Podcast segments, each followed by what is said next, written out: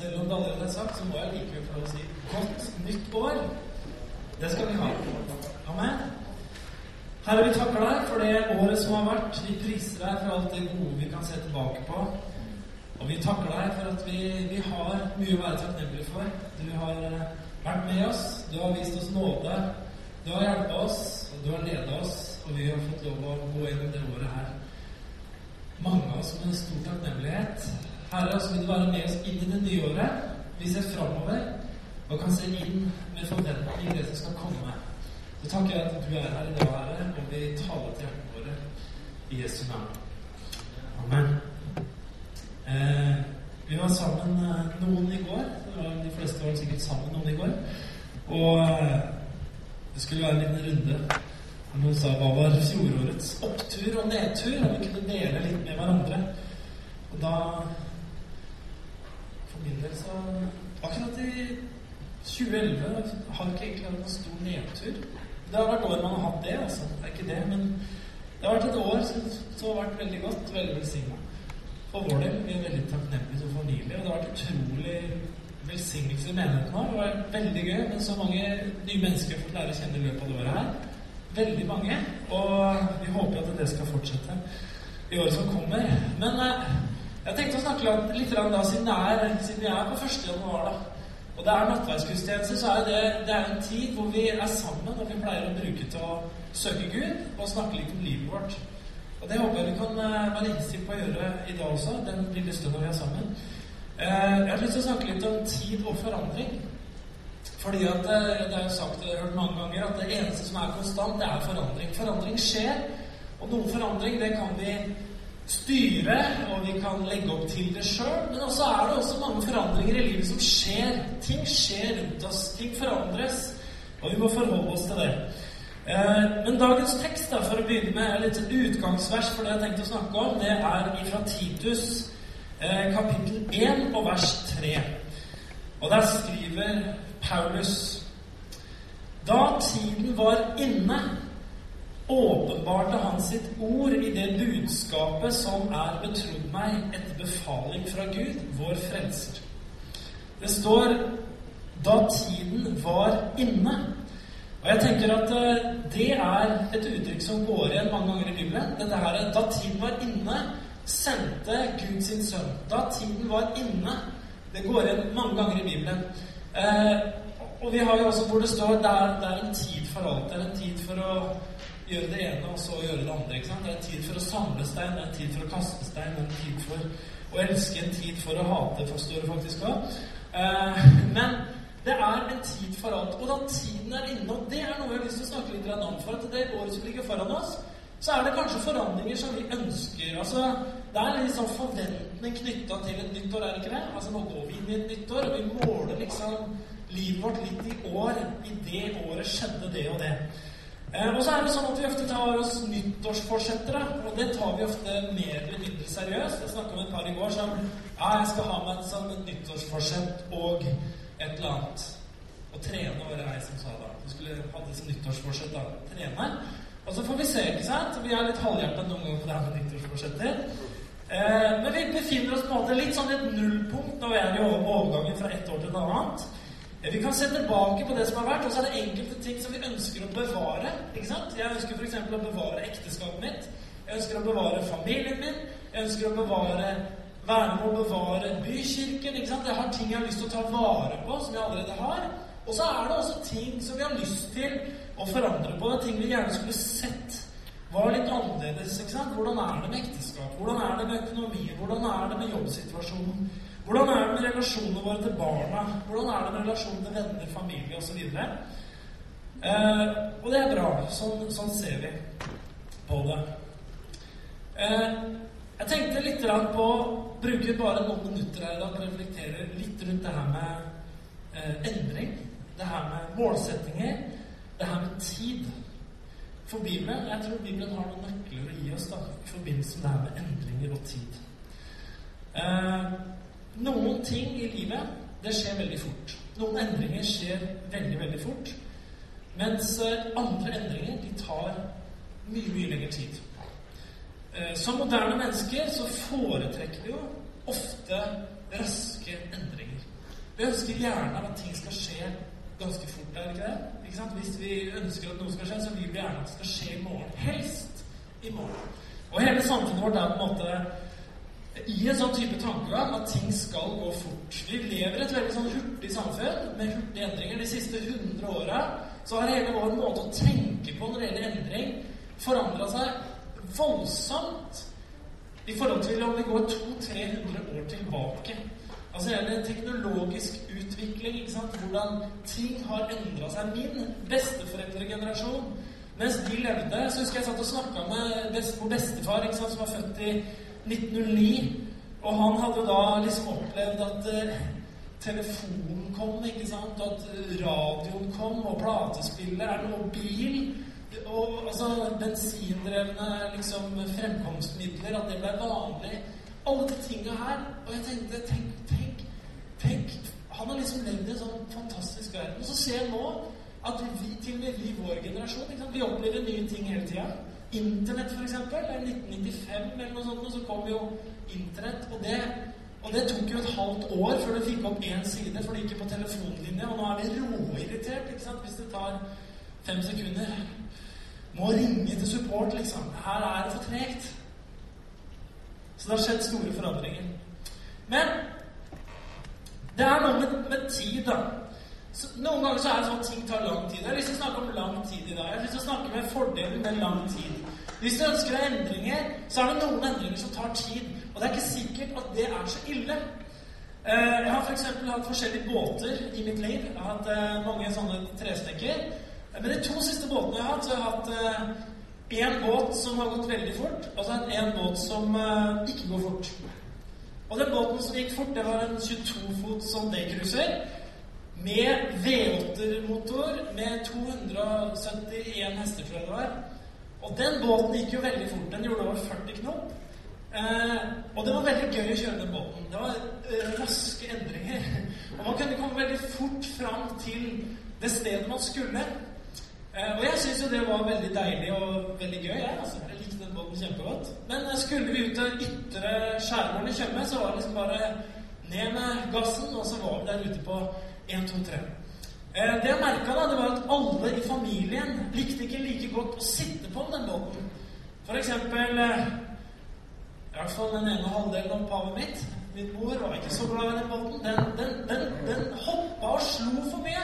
Det var ikke noe behagelig å kjøre den raske båten. Og svigermor var av samme oppfatning. Hårsveisen gikk i stykker, og det var mye slag, og det var mange Så de foretrakk ikke den raske båten, egentlig, selv om de kom veldig fort fram til målet. Eh, så jeg har gått tilbake til liksom røttene mine. Jeg har fått meg trebåt igjen. Den er utrolig sein. Den går i sju-åtte knop.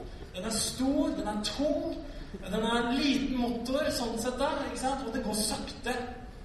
Men turen er jo en opplevelse. Det er ikke bare å komme fram til målet, men reisa i seg sjøl blir faktisk hyggelig. Vi kan sitte og koke kaffe mens vi kjører. Vi kan spise kake. Vi kan ha det hyggelig. Vi kan spille spill. Barna kan ligge og se på film inni kahytta. ikke sant? Reisen i seg sjøl blir veldig fin. Da vet jeg det går an å kjøre sakte med raske båter, men man gjør det ikke. Som regel. Så noen ganger så er ting som går sakte, helt ok. For eksempel så har vi mat. Eh, vi har noe som heter fast food, ikke sant? Som vi drar på McDonald's for å kjøpe. Det er rask mat med, med, som vi skal ha i løpet av tre minutter. Så skal vi ha den hamburgeren. Og den er grei. Og så har jeg vært litt opptatt av det siste. Jeg er litt opptatt av rare ting, men jeg har vært litt opptatt av vært på nettet og sjekka en del noe mat som kalles for slow and love barbecue. Er det noen som har hørt om slow low barbecue? Nei, jeg har ikke hørt om. Det er sånn, der, det er sånn grill da, som er sånn kjempehøy, som kalles for smoker, hvor du har litt sånn curl nedi bånn, og så har du et fat i midten med vann, og så har du kjøttet oppå der. Og Hvis du skal lage en god svinestek på en slow low barbecue-grill, så tar det tolv timers grilling. Tolv timer! Men da er det kjøttet så fantastisk at uh, men bare å ta den liksom ut på tallerkenen her, Du liksom kjenner forventningen stiger bare du kjenner lukta. Den har kanskje ligget i marinade i flere dager, ikke sant? og så griller du den steken i tolv timer. Slow and low. Det blir godt, vet du. Fordi det har tatt lang tid. Det er klart det at det er enkelte ting som går seigt. det er bra. Akkurat som det er bedre med gammel vin ikke sant, enn ny vin. Årgangsvin er som enkelte mennesker. Vi blir bedre og bedre med åra. Det sier til kona mi. Du er som god vin. Du blir bedre og bedre på åra. Eh, eller sånn vellagra parmaskinke fra Italia er jo mye bedre enn sånn saltinjisert eh, liksom, eh, skinke, såkalt, da, fra Gilde, som de bare pumper ut hele tida. Parmaskinke tar jo mange måneder å lage. 12-18 måneder skal den henge i riktig forhold med sol og litt vind og sånn, i riktig klima. ikke sant? Det smaker mye bedre fordi det har tatt lang tid. Så noen ting som tar lang tid, det blir bedre. Nå blir det veldig mye mat her. Altså, jeg, jeg, kikket også, jeg så et program på TV en gang. Jeg, du vet, Du går i butikken og så kjøper du balsamicoeddik. Har du borti det? Vet du hva jeg snakker om? Balsamicoeddik. Og det kjøper vi. Og så, så tenker vi at det her er balsamico. Men det er ikke det. Det, er, det vi kjøper i butikken, det er bare en kopi. Det er en billig billigkopi som heter Assetto Balsamico di Modena, f.eks. Men det er ikke en billigkopi. Ordentlig balsamico det tar mellom 12 og 25 år å lage. Oh yeah. Og det er Da er det Balsamico er egentlig redusert druesaft som de har på fem forskjellige tønner Først en stor tønne av et visst treslag. Neste tønne er litt mindre. Neste tønne er enda mindre. Og så er det fem tønner av ulike treslag. Og de skal ligge da på den største tønna først. Og så blir det fordampa og sånn av vær, værforhold osv. Så, videre, så det blir litt mindre. Og så heller de det opp på den tønna som er enda litt mindre. Og sånn fortsetter det. Så en ordentlig balsamico skal være minst tolv år. Det skal være vært igjen de tønne før du kan tappe den, og så selge den. Og det er dyrebare dråper. Det koster litt mer, men det heter uh, Assetto Balsamico Tradizionale di Modena. Så hvis du ser det står 'tradisjonale' på en flaske, så er det svider. Hvorfor er den så god? Fordi det har tatt så utrolig lang tid. Og hva skjer når du Har du hatt noe sånt på bordet en gang? Noe sånt som er gammelt, ikke sant? Nei, ingen er så kristne spiser jo ikke sånn gammel mat. Gammel vinat, ikke sant? Det er forbudt. Men altså, sånne gamle ting da, har jo har vært borti det Sånne gammel mat, sånn parmaskinke som har vært lagra og vellagra sånn Du blir jo litt sånn derre Du spiser jo det med andakt. på en måte, Du vet alt som ligger bak. ikke sant? Her er det en fyr som har flytta på den her balsamicoen i 25 år før han tapper ut de dråpene så det skal smake godt når jeg har salat. Jeg har ikke smakt sånn på 25 år, altså, det må jeg bare innrømme. Men tenk deg det. Tenk deg hvor lang tid det tar før man får avkastning på det. Derfor er det jo sånn at disse batteriene, disse tønnene, det går jo i arv fra generasjon til generasjon. Ikke sant? For kjære gutten min, du kan jo ikke liksom begynne med å produsere balsamico da når du er 20 år. Da kan du først tappe de første inntektene når du er 45, liksom. Så de her tønnene går i. Fordi det er noe som tar lang tid. Ting som tar lang tid, koster mer men det smaker i mange tilfeller mye bedre. Sånn er det også med mange ting i livet dere. Ting som kan ta lang tid, kan ofte koste mer, men det kan til syvende og sist smake mye bedre. Og det kan gi mye større tilfredshet i livet. Dersom vi alltid har forventning til superhurtige resultater, så har vi lett for å gi opp målsettingen vår. Eksempel, hvis vi går på McDonald's og skal kjøpe fast food, så går vi inn og så bestiller vi, ikke sant? Og så tar det ti minutter før maten kommer. Så sier vi 'Vet du hva? Nå går vi!' Det tok så utrolig lang tid. Ti minutter! Vi gir opp det prosjektet å få mat. Fordi vi har en forventning om at det skal skje med en gang. Men hvis du driver og odler eh, balsamicoeddik, tradisjonale, så gir du ikke opp etter ti minutter.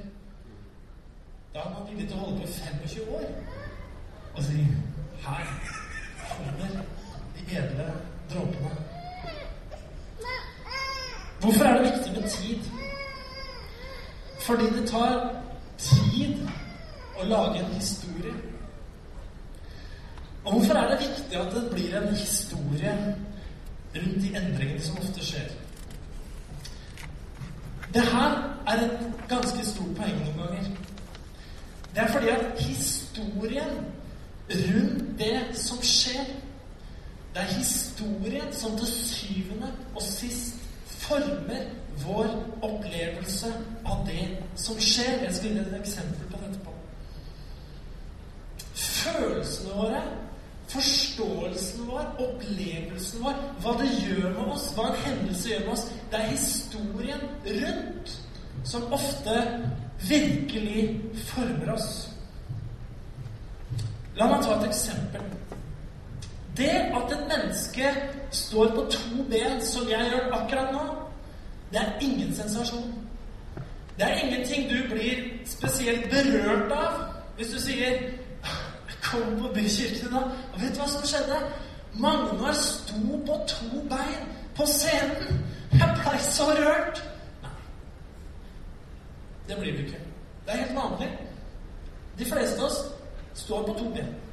For de fleste av oss er det helt vanlig. Det er like naturlig og noe som skjer like naturlig som vi puster. Her om dagen så sto det imidlertid en historie i en av avisene om en som hadde stått en liten stund på sine to ben. Han hadde stått oppreist noen minutter, og det kom i riksdekkende presse. Det blei kringkasta ut. Og han, han heter han heter Dagfinn Eneli. Vet du hvem Dagfinn Eneli er? Han var profesjonell fotballspiller. Han ble langt fra nakken og ned i en eliteseriekamp i 2005. Han spilte for Fredrikstad. Fredrikstad lå helt nederst på tabellen omtrent, og de møtte Start. Og de skulle spille for å overleve Eliteserien. Start var serieleder. Da Eneli han gir alltid den kampen, og han krasjer med en eh, lagkamerat av seg og får lagkameraten oppå seg. Fredrikstad vinner kampen 3-1 og overlever Eliteserien. Men Dagfinn Enerli får denne klassekameraten, denne lagkameraten oppå seg, brekker nakken og blir lam fra nakken og ned. Han, I et øyeblikk så går han fra å være en toppidrettsutøver til å bli lam fra livet, nei, fra nakken og ned. Det er en historie som går utover hele landet. Han er kjent fotballspiller. Han er fryktelig god. Og alle får greie på historien om hva som har skjedd med Dagfinn Endelig. Han kommer på TV, og jeg husker han sier at 'Jeg skal trene meg opp til å stå på mine egne to ben igjen'. Jeg skal komme tilbake. Han var vant til å trene, han var vant til å ha målsettinger. Han var veldig tydelig på at han skulle det. Og her var han sammen med kona på et kjøpesenter eller hva det var, og kommer i en situasjon hvor hun sier 'Kan du ikke bare prøve å stå sjøl?' Og så klarer han å stå. Og som sagt, Det er ikke noe sensasjonelt for de fleste som står på to bein. Men han, når han står på to bein, så skjer det jo noe med oss, ikke sant? Han gjør dette helt normale, men dette helt normale som skjer, blir veldig spesielt. Hvorfor det? Av historien rundt. Fordi at historien rundt det som har skjedd, er som den er, så blir vi berørt. Ikke sant? Oh, vi tenker Å, det er fantastisk. Tenk at han kan gå. Eller tenk at han kan stå på sine egne to bein, som han sa for seks år siden at han skulle. Så blir historien noe som preger oss, noe som gir inntrykk på oss, og kanskje noe som forandrer oss. Hva, hvorfor får den greia at han står på to bein, plutselig en større verdi? Fordi det lærer oss Det lærer oss noe om å takle knuste drømmer og en brutt karriere. Det lærer oss noe om pågangsmot tross håpløshet. Det lærer oss noe om at små skritt er store seire. Det lærer oss noe om ikke å gi opp. Det er det den historien gjør med oss. Derfor er ikke det som skjer, så spektakulært i seg sjøl. Men historien rundt det gjør det spektakulært. Derfor er det mange ganger sånn at det som skjer med oss, ting som tar tid, ting som former oss, ting som gjør noe med vår historie Det er ikke sluttresultatet alltid som er det viktige, men det er veien fram som ofte er minst like viktig. Det er viktig når det gjelder tid. Gud har nemlig noen ganger uforskamma god tid. Jeg skal gi deg noen korte glimt fra bibelhistorien. Det fins mange, mange flere. Men for eksempel Hvis vi går tilbake fra begynnelsen Syndefallet var et faktum. Og Gud han uttrykker med en gang en målsetning om å gjenopprette det som har gått i stykker gjennom syndefallet. Den første profetien om Jesus kommer kjapt etter syndefallet. I første Mosebok 3.14-15 så står det som følger da sa Herren Gud til slangen, forbannet er du utstøtt fra alt fe og alle ville dyr, fordi du gjorde dette. På buken skal du krype, og støv skal du spise alle dine levedager. Og jeg vil sette fiendskap mellom deg og kvinnen, mellom din ett og hennes ett. Den skal ramme ditt hode, mens du skal ramme dens hæl. Du skal knuse Den skal knuse ditt hode, står et annet sted. Dette er første profetien om Jesus. Hvordan Jesus skulle komme som kvinnens sæd, eller kvinnens ett, ut fra kvinnens slekt, og skulle bli den som skulle knuse slangens hode, som skulle knuse Satans hode. Og Vi kan jo tenke at eh, her er Gud på banen en gang og sier det skal komme en som skal knuse ditt hode. Og vi kunne jo tenke at dette er nok sikkert Gud har fryktelig travelt med. Dette ville jo Gud gjøre i morgen altså, for å få løst det problemet her. Men hva skjer? Jo, det går ca. 4000 år før han kommer som skulle knuse slangens hode. 4000 år! Hvorfor har Gud så god tid? I Malakia, den siste boka i Det gamle testamentet, så profeterer og sier profeten som følger i det fjerde kapittelet, vers 5-6, så står det Se, jeg sender dere profeten Jeg sender profeten Elia til dere. Før Herrens dag kommer den store og skremmende. Han skal vende fedrenes hjerte til barna og barnas hjerte til fedrene, så jeg ikke skal komme og slå landet med bånd. Dette er, noe, er det noen de siste versene som står i Det gamle testamentet. Eh, og denne profetien handler om en som skulle komme, profeten Elia. En gang, sier profeten Malakia, skal det komme en som skal vende fedrenes til barna, osv. Jesus bekrefter seinere at den personen det blir profetert om her, det er døperen Johannes. Døperen Johannes var denne Elia-skikkelsen som skulle komme seinere. Og Vi kunne kanskje tenke at eh, når Malakia har profetert dette, så må vel Gud ha litt travelt med å sende denne personen som kan gjøre disse tingene. Hvor lang tid tar det?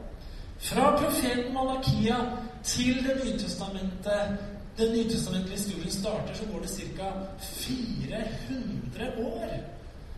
Hvorfor i all verden? Det skjer ingenting liksom mellom profeten Malakia til døperne Johannes dukker opp.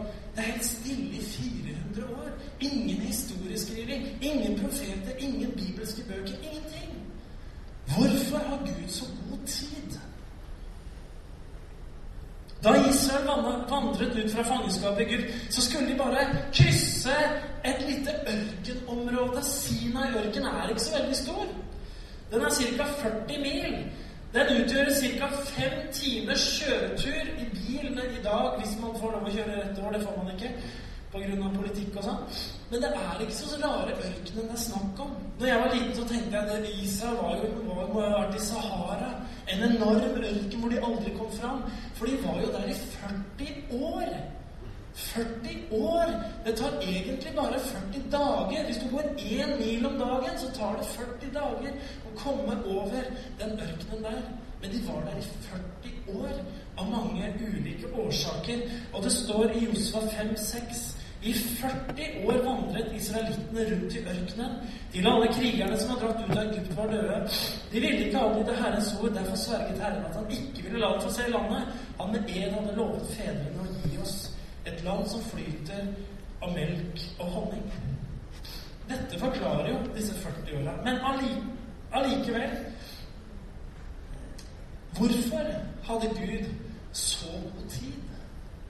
Og så er vi klar over det. At denne historien, kanskje mer enn noen annen historie i Det gamle testamentet, nemlig om Israels utgang fra Egypt og til å komme til lovede landet, den historien snakker vi om enda. Vi bruker fortsatt den historien Sikkert hver, nesten hver eneste, jeg kan tenke meg hver eneste dag. Så tales det om denne historien et eller annet sted i den kristne kirken over hele verden. Så bør dere snakke om denne historien. Så lærer vi fortsatt av denne historien. Og Derfor så tenker jeg det at denne historien den er på en måte større enn de som lever. Denne historien den lever videre, og den har vært en lærdom for tusener på tusener på tusener på tusener av mennesker seinere. Jesus kommer, han dør, han oppstår, og han drar. Og Jesus sier at han skal komme tilbake på samme måte. Det står i Apostlenes gjerninger 1.10. Som de nå stirret mot himmelen mens han dro bort, så sto det to menn i hvite klær foran dem og sa, Galilere, hvorfor står dere og ser opp mot himmelen? Denne Jesus som ble tatt bort fra dere opp til himmelen, han skal komme igjen på samme måte som dere har sett ham fare opp til himmelen. Disiplene tenkte at Jesus ville komme tilbake mens de levde. De tenkte det. Det gikk i forventning på Herrens gjenkomst. Men nå har det altså gått 2000 år siden Jesus dro opp til himmelen. Og vi kan spørre oss hvorfor har Gud så veldig god tid? For jeg tror Det kan sikkert være mange grunner, men det var en historie som skulle skrives. Og det var menighetens historie. Det var vår historie som skulle skrives, blant annet. Og så kan vi ta med oss noen av de perspektivene her. Fordi at noen ganger så blir disse historiene litt større enn de som er med og lever oppi dem. Jeg tror noen ganger at vi blir utrolig sånn snevre når vi tenker på forandring og hva vi skal oppleve oss videre. Det er litt rart å tenke på, men seriøst, om ikke Herren da har kommet igjen, og verden står, så tenker jeg at denne forsamlingen Ikke denne forsamlingen, denne kirken, denne menigheten, den skal være her om 200 år. Ikke kanskje det bygget her, men det vi er, og det vi gjør i dag Vi vil vel kanskje oppleve at om 200 år så fins fortsatt det som noen av oss var med å starte, som en levende menighet. Vi trenger noen sånne perspektiver. Gud sier noe om tid gjennom Peter i 2. Peter 3,8. Men én ting, mine kjære, må dere ikke glemme. For Herren er én dag som tusen år, og tusen år som én dag. For Herren er én dag som tusen år, og tusen år som én dag. Med andre ord Gud ser ikke ting i tid. Altså én dag er som tusen år, og tusen år er som én dag. Gud handler ikke i tid. Han ser ikke ting i tid på den måten som vi gjør. Så jeg tenker at Gud er ikke så opptatt alltid om hvor fort ting skjer. Men han er opptatt av at det skjer på riktig måte. Han er opptatt av at historiene blir skrevet. At det er først og fremst resultatet som teller, og ikke hvor kort tid det tar. Jeg skal avslutte med noen tanker om det er med veien. I Apostelens gjerninger 9.1-2 så står det nemlig en betegnelse som ble brukt om de første kristne. Det står at Saulus han raste fremdeles mot Herrens disipler og truet på livet. Han gikk til øverstepresten og ba dem og ba med brev til synagogen i Damaskus for å kunne finne dem som tilhørte veien, både menn og kvinner, for at han kunne føre dem i lenker til Jerusalem. De første kristne ble betegna som folk som tilhørte veien. Det var et begrep som eh, falt ut etter hvert da de begynte å bli kalt for kristne. Men opprinnelig så snakket vi om at de som var troende, tilhørte veien. Jesus sa jo 'Jeg er veien, jeg er sannheten, og jeg er livet'. Og veien forteller kanskje om i hvert fall to ting. At de tilhørte veien. De tilhørte Jesus. De hadde funnet Jesus. De hadde funnet veien å gå på. De hadde funnet veien, sannheten og livet. Det andre det forteller, er at med at de tilhører veien, det er at det, de lever på veien. De går på veien. De tilhørte veien. Det var veiens folk. Og hva forteller det oss? Jo, det forteller noe om at de var, de var på vandring. De var underveis. De var ikke framme. Men de var på vei til noen ting. Og sånn sett så har vi jo Det er jo ikke en sterk frikirkelig tradisjon, kan du si, men i hvert fall så har vi jo kristen tradisjon som har vært ganske sterk når det handler om pilegrimsvandringer, ikke sant? At man går til et sted, enten det er Nidarosdomen eller Santiago de Compostela og katedralen der, så har kristne De har ofte tatt sånne pilegrimsreiser. Og pilegrimsreiser, der er det sånn at det, det, er ikke, det er ikke målet og destinasjonen i seg sjøl som er liksom det eneste viktige. For da, da kunne man like godt i dag i hvert fall bare tatt fly liksom, til Trondheim. Men også i dag så går jo folk denne gamle pilegrimsveien. Og hva er poenget med å gå den? Jo, det er veien som er poenget. Det er fellesskap man har på veien. Det er bønner man ber på veien. Det er det man deler og opplever på vei til målet, som blir den viktige historien. Sånn at når vi endelig kommer fram til det som var det liksom målet vårt, så er vi allerede blitt forvandlet. Vi har blitt noe annet enn når vi starta å gå. Og det her, dere, det, det tror jeg at vi må også liksom kunne bekjenne oss til. Da, at vi tilhører veien. Vi er på vei til noen ting. Og derfor må vi likevel liksom besnære oss en sånn tankegang som er veldig moderne, som sier at det eneste som teller, det er å nå fram til målet. Alt annet liksom fram dit, det er ikke noe vi skal ta inn engang. Vi skal bare komme fram. Når vi kommer fram, da blir det fantastisk. Og så glemmer vi det at vi tilhører veien. Vi er veiens folk. Det var en som sa en anonymt sitat som sier at en reise er alltid en omvei hjem. En reise er alltid en omvei hjem. Hvorfor det? Vi, vi har et hjem vi reiser ut ifra. Så skal vi reise opp igjen. Vi skal hjem igjen. Vi skal jo hjem igjen, ikke sant? Vi kommer hjem igjen.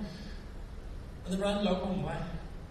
Men den reisa den kan lære oss noen ting. Og dere har sikkert opplevd mange ganger sånn helt uh, med vanlige reiser. ikke sant? At vi, vi reiser ut, og så ser vi ting, og så opplever vi ting på reisen. Og når vi kommer hjem igjen, så har vi fått med oss noe. ikke sant? Vi har sett noe nytt. Vi har blitt forfriska. Vi ser ting på en annen måte, for vi har vært ute og reist. Vi har sett og opplevd, følt, lukta og smakt noe nytt. ikke sant? Martin Lønneborg, svensk biskop, han har laga en såkalt Kristuskrans. En sånn kjede med masse forskjellige perler på, som skal minne oss om forskjellige ting i det kristne livet. Men han, han sier at noe om det her med veien Det handler om å bli leda mot Gud, seg selv og sin neste. Og Noen ganger så tenker jeg at noen av måla vi har oss for en forandring, de, noen ganger så er det veldig egoistiske. Det handler egentlig bare om å bli leda til seg selv. liksom. Men Gud, Gud vil ikke det. Hvis det er sånne typer mål, så tror jeg Gud han, han lager en skikkelig omvei for oss kanskje noen ganger. Sånn at vi kan komme i møte med ham også. Men Gud er ikke fornøyd med at vi bare kommer i møte med han og med oss sjøl. Jeg tror Gud vil at vi skal komme i møte med andre også. Noen ganger får vi enda lengre omvei. Og det kan ta enda lengre tid. Fordi at vi trenger å komme i møte med Gud, oss sjøl og nesten. Litt til om veien før jeg slutter. Jesus er veien.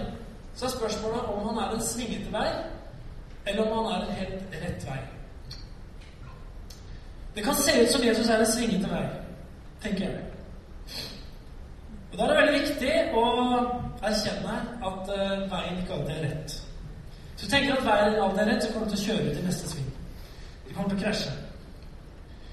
At livet er en ubønnhørlig endring. Livet svinger. Og når livet svinger, hva skjer da? Hva skjer når vi er på en vei, og den svinger? Plutselig så ser vi et nytt perspektiv. ikke sant? Hvis, fordi at vi er nødt til å se en annen retning. Vi er nødt til å omvende oss. Jeg tenker at Det er noe med det å følge Jesus på veien. Det er at når, når livet svinger, når Jesus svinger, så blir vi vridd i en annen retning, og så plutselig så ser vi nye ting som vi ikke har sett før. Kanskje det året her er et liv hvor livet ditt kommer til å ha en sving som gjør at du kommer til å se ting du aldri har sett før. Ting du aldri har festa blikket på før. Og så kommer du til å se at eh, nå kan jeg ikke stoppe fordi ting ser annerledes ut foran meg. Nå må jeg bare fortsette, for dette er veien som jeg går på. Og så må vi handle. Det som er viktig, kjære venner, det er ikke alltid tid. Det er ikke alltid at det tar kort tid. Det viktige er at vi aldri slipper målet av syne. Om du har fått noe fra Gud, om du har noe du drømmer om som er gudgitt, om du har endringer som du lengter etter for deg sjøl, dine som er rundt deg, alt som er gode i livet, så slipp ikke målet av syne. selv om det tar tid. Kanskje akkurat det at det tar tid, gjør billedlig talt at de dråpene som skal komme ut av deg seinere, smaker så utrolig mye bedre. Er så utrolig mye mer verdifulle. Og noen ganger, når vi treffer sånne mennesker som har vært igjennom noe Ting har tatt lang tid. Det er lidelse involvert. Det har vært vanskeligheter. Men de har ikke sluppet målet av syne. Når vi setter oss ned og snakker med dem, så er det dyrebare dråper som kommer ut. Det er verdt å høre på dem. Det er verdt å sette seg ned sammen. De er interessante. De har noe å gi oss. Jeg hadde et sånn opplevelse en gang som jeg husker veldig godt. Jeg var i, på teamtur, husker jeg. Jeg var ikke så veldig gammel. Jeg var midt i 20-åra. Og var på teamtur i Malaysia. Og bodde i en sånn misjonsbolig, da, hvor det kom mange som er inne og bodde. Eh, vi bodde der, og vi var unge og halleluja og radikale. Vi tjente Herren, hadde masse møter og sto på. Og så husker jeg det kom inn en ettermiddag fikk vi høre det kom her et, eh, et pastor fra, fra Sør-Afrika som skal bo her et par dager. Jeg husker de kom inn. De var ved pensjonsalder omtrent, tenker jeg. De kom inn i stua, og så jeg på dem, så hilste de på ham. Så var det første som slo meg Jeg var liksom ny, ny fra bibelskolen og liksom hadde alt liksom hele arsenalet oppe og gå, liksom. Og så, og så møtte jeg dem, og så slo de meg Vet du hva? De to der, de har noe som jeg ikke har. De bare har noe som ikke jeg har. De har noe fra Gud som De må jeg snakke med dem. Og så satte jeg meg ned og fikk snakka med dem. Og fikk mye godt ut av det. Hvis du går inn i et nytt år med ønsker om forandring, så ikke slipp målet. Hold det tydelig for deg. Men gjerne gjøre valg. Og noen ganger så er det ting som ikke blir drøye for lenge òg. F.eks. et eple som ligger kjempelenge, blir ikke bedre til 20 år. Da lukter det bare vondt. Det er ikke alt som skal ta lang tid. Men eh, kanskje vi skal ta med oss på vei nå at noe av dere kanskje mister litt i vår moderne og lynhurtige tid det må vi ta med oss. At tid og at historie skrives, det har også verdi. Og jeg tror Noen ganger når vi ser oss tilbake på de vanskelige periodene i livet, så kan vi også tenke Har jeg noen gang levd så mye som akkurat da? Jeg skal avslutte helt til slutt med et bibelvers, hvor Jakob skriver i kapittel 1 vers 2 Se det som bare glede, søsken, når dere møter alle slags prøvelser for dere vet at når tro blir prøvet, så skaper det utholdenhet. Men utholdenhet må føre til fullkommen gjerning, så dere kan være fullkomne og hele uten noen mann. Amen. Vi skal ta med oss disse tankene inn i nattverden, som Frode skal få lede oss inn i.